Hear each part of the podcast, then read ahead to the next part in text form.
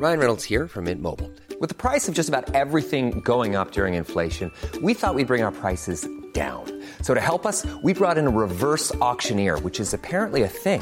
Mint Mobile unlimited premium wireless. Ready to get 30, 30, bit to get 30, bit to get 20, 20, 20, bit to get 20, 20, bit to get 15, 15, 15, 15 just 15 bucks a month. So, Give it a try at mintmobile.com slash switch. $45 upfront for three months plus taxes and fees. Promo for new customers for limited time. Unlimited more than 40 gigabytes per month. Slows. Full terms at mintmobile.com. There's never been a faster or easier way to start your weight loss journey than with PlushCare. PlushCare accepts most insurance plans and gives you online access to board-certified physicians who can prescribe FDA-approved weight loss medications like Wigovi and Zepbound for those who qualify.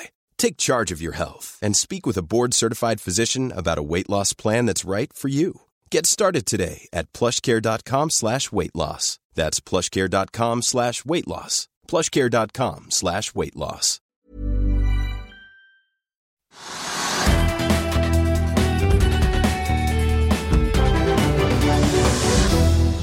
Riktig god onsdag altså, og velkommen til oss her i Økonominyhetene hos eh, Finansavisen. Det er altså 12. oktober.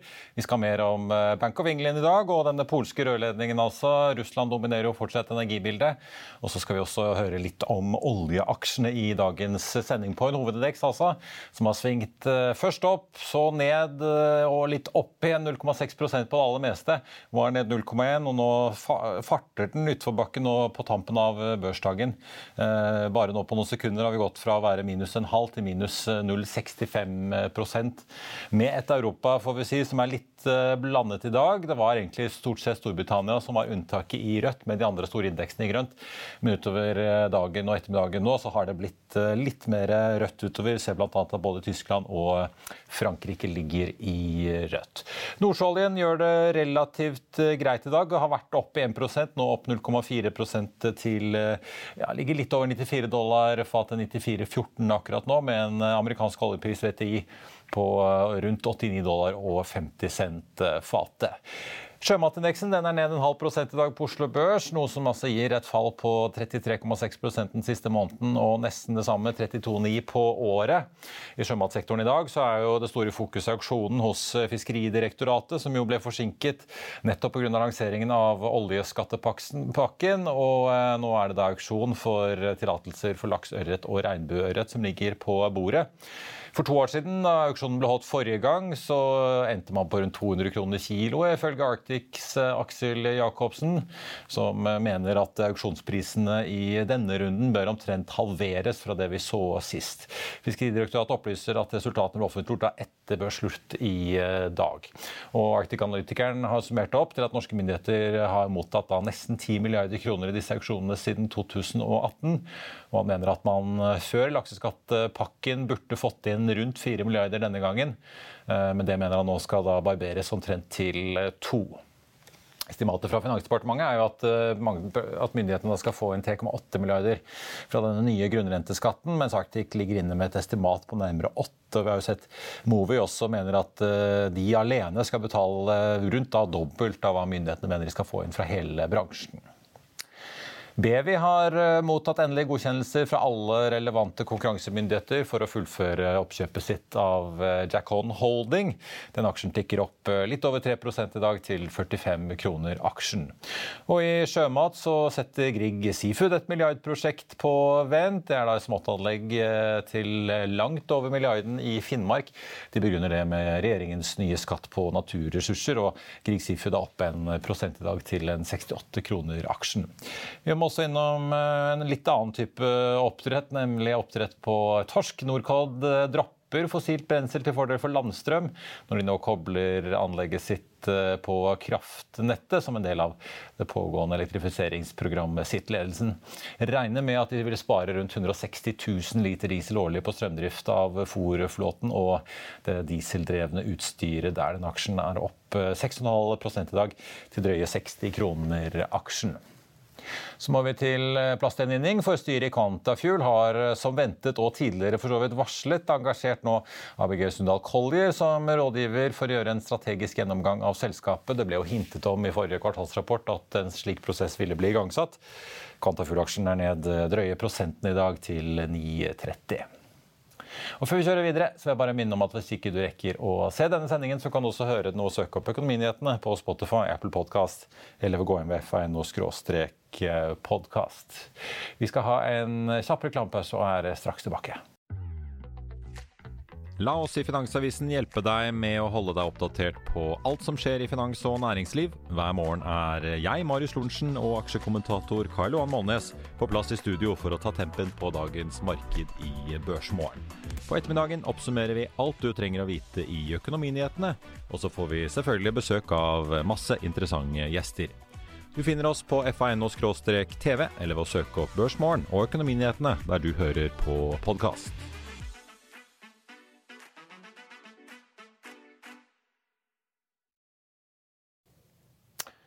Det er litt nyheter på selve børsen i dag, får vi si. For Shelf Drilling North Sea debuterer altså på RNX Growth i dag. DB Markets og Sparebank 1 Markets er jo hyret inn som rådgiver, og største eier Shelf Drilling har jo steget over 100% alene i år. Shelf Drilling North Sea, spin-offen altså, var jo da satt til 21 kroner og 32 øre, som ga en selskapsverdi på, eller markedsverdi på selskapet på 2,1 milliarder kroner. Første transaksjonen var allerede oppe på 28 kroner, nå ligger den og vaker på 27,50. Så en ikke så verst start for riggselskapet der. Altså, den noteringen kom jo etter at Jon Fredriksens landriggselskap Noram Drilling gikk inn på Aronex Growth på fredag. Og apropos rigg, Seadrill-aksjen den skal tas opp til handel igjen på New York Stock Exchange i USA. Omtrent rundt kanskje fredag 14. oktober er det man venter. Selskapet var jo tidligere notert i New York, men har jo da vært gjennom chapter 11 og ble da tatt av en periode. Og så har bilfraktrederiet Graham Car Carrier søkt om å få listet seg opp fra Unex Growth til hovedlisten, så det skjer en del omrokeringer på børsen om dagen.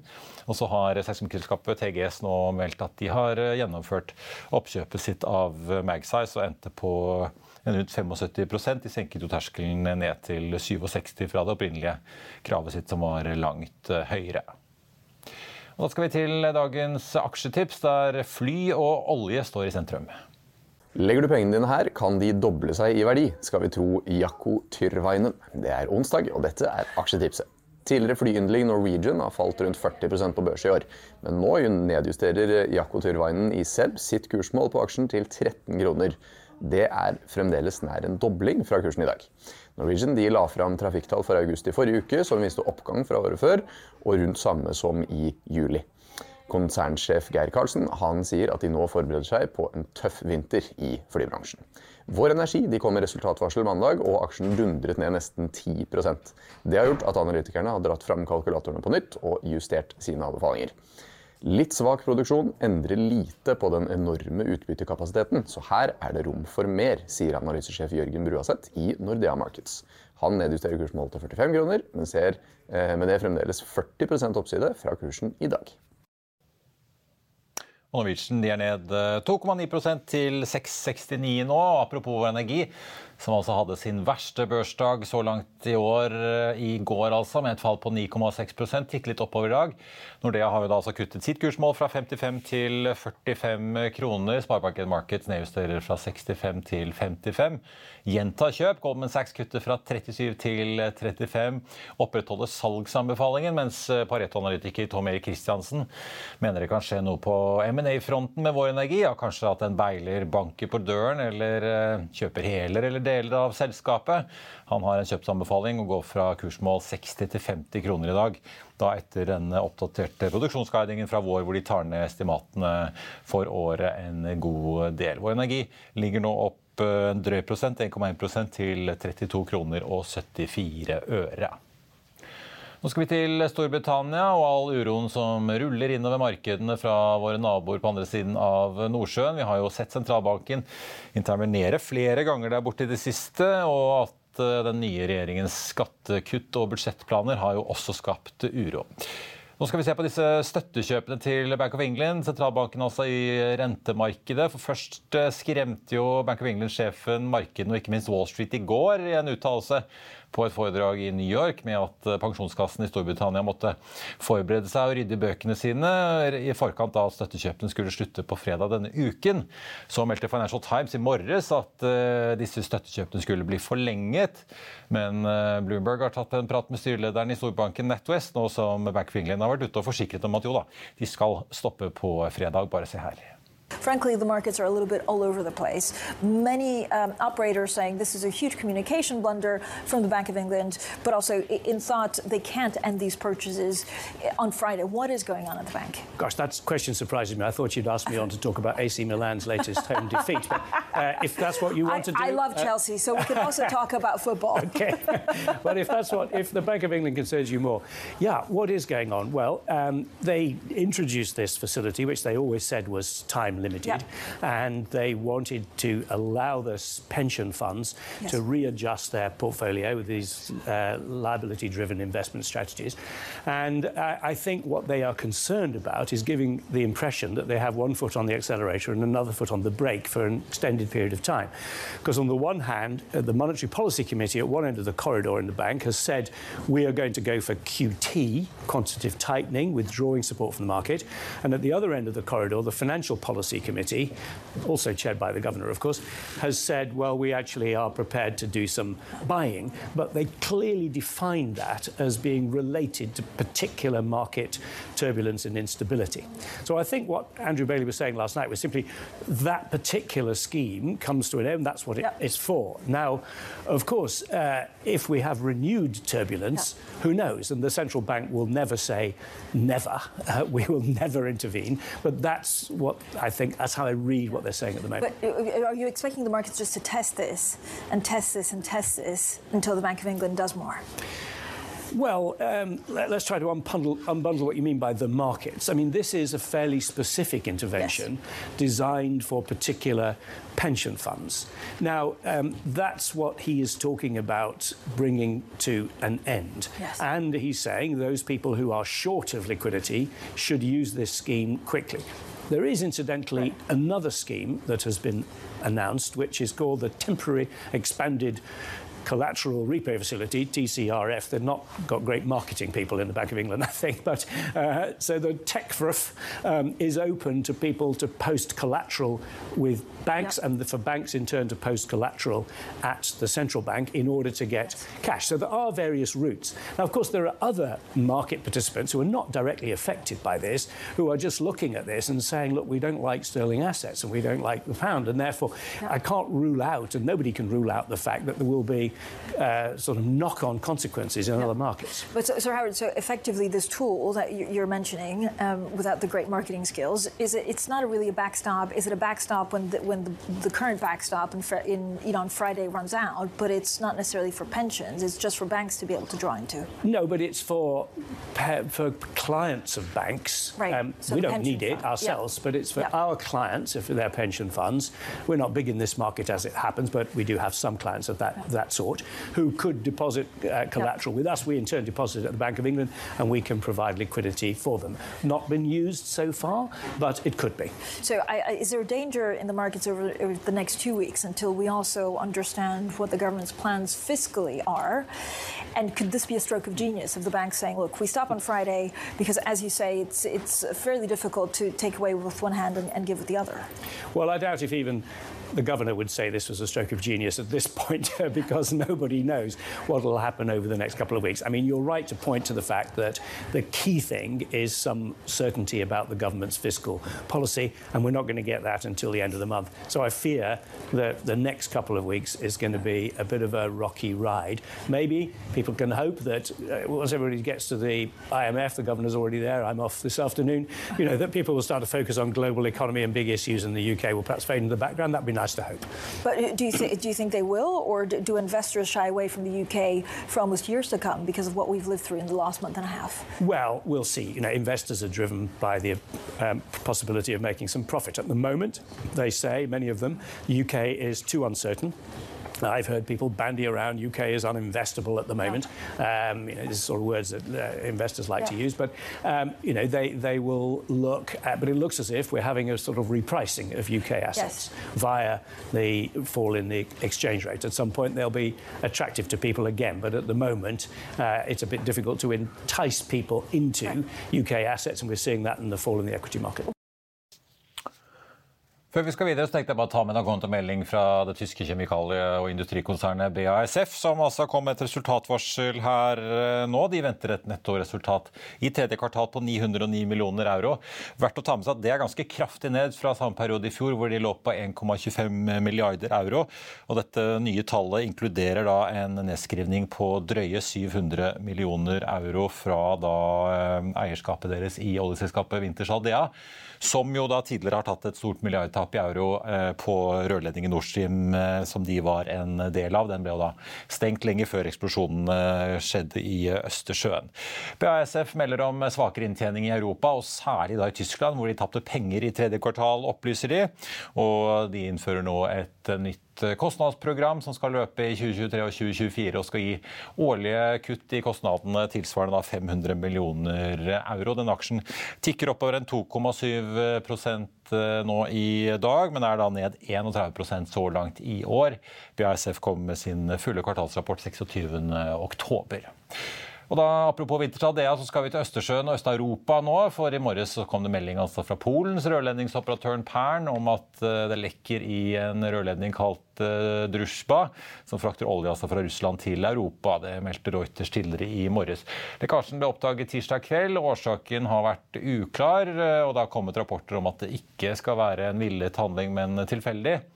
Men dette skjer jo da kort tid etter at sjøkabelen eh, med strøm til Bornholm ble skadet, og eksplosjonene med Nord Stream-rørledningene 1 og 2 i selve Østersjøen. Og like før altså, Europas oljeembargo av Russland trår til for fullt i desember. Latvias eh, forsvarsminister sa i Brussel i dag at vi må forberede oss på flere russiske angrep på infrastruktur fremover, i et intervju med Bloomberg. Bare se her. If we look at the choreography here, you've had the Nord Stream explosions, then you have a Black Monday for Ukraine. 84 missiles were, were launched against this country on Monday. And today, the Polish say we've detected a leak in an oil pipeline.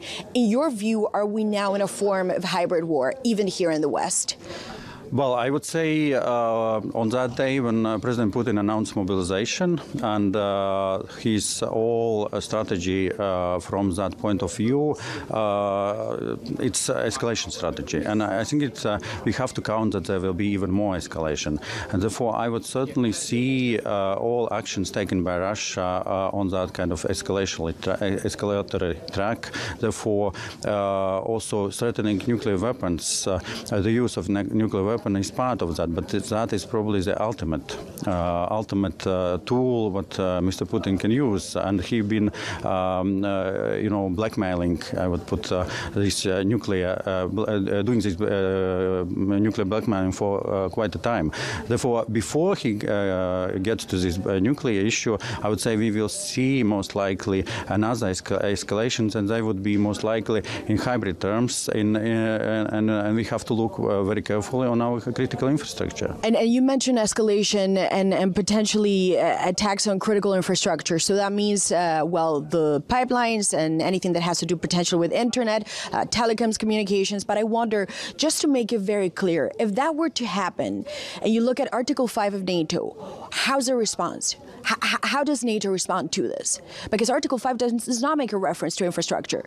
Well, I think this uh, Article 5 is uh, a political, uh, political issue, and uh, uh, the decision will be taken on on case by case basis. And we've seen the evolution of Article 5, specifically, for example, the cyber. Uh, NATO stated very clear that there might be cases when cyber attack is viewed as Article 5, and therefore I certainly would see also that there might be cases when vital interests of states are threatened, NATO states are threatened, and NATO can uh, step in in protecting interests. Costs.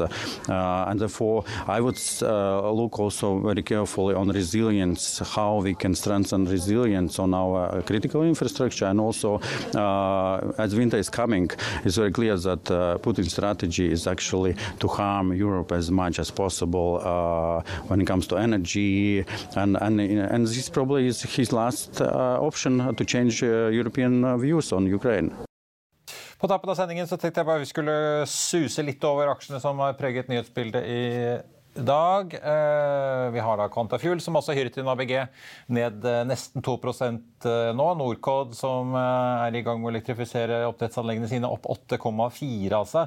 Og så har det kommet melding fra Villa Shipping om at de fornyer og forlenger kontrakter på to av sine PSV-er. Den aksjen er opp 8,3 i dag. På en hovedindeks som altså nå ligger ned 0,65% 1110 poeng, 58 for å være helt presis. Nordsjøoljen ligger nå vake rundt null, har jo vært opp en prosent, nå på 93,82 i spotmarkedet, mens den amerikanske lettoljen ligger på 88,90. På lista over de mest omsatte aksjene så er da Equinor og Aker BP begge ned rundt prosenten. Vår Energi opp 1,3 henter seg litt inn fra det kraftige fallet på nesten 10 i går, etter da at de kuttet guidingen sin for året. Deretter følger PGS som er ned 6,6% Movi ned 1,6 og DNB så vidt under null akkurat nå. SAMAR ned halvannen prosent. Får også ta med Eh, Produkttankdeler i Hafnia opp 3,6% og til nesten 45 kroner ligger de altså inne på mest omsatt-listen. Så er det da Shelf Drilling North Seas, den børsnykommeren som har kommet seg inn på Euronex Growth, opp da 30,9 så langt i dag. Ligger nå inne på 27,90 det da når vi går mot slutten av eh, selskapets aller første dag på eh, børsen. Ellers så er det jo verdt å merke seg at eh, vi får jo da rentereferatet fra Federal Reserve klokken åtte i kveld. Og ikke minst da i påvente av disse viktige inflasjonstallene fra USA som vi venter på, og får da i morgen ettermiddag. I Finansavisen i morgen så kan du lese Trygves leder om en kortslutning om strømstøtten. Du kan lese om hvordan salget går på landets kjøpesentre. Det blir mer om belgiere som legger kjepper i hjulene for Jon Fredriksens frontline, og analysesjef Petter Slyngstadli i Norne forklarer hvorfor Vladimir Putin fortsatt har makt til å sjokkere på nytt. Og Det var vår sending på denne onsdag 12. oktober. Takk for at du så på. Vi er tilbake igjen i morgen klokken 08.55 med Børsmorgen og Økonominyhetene 14.30. I mellomtiden så får du som alltid siste nytt på fa.no. Mitt navn er Marius Thorensen. Ha en riktig fin dag videre. Takk for nå.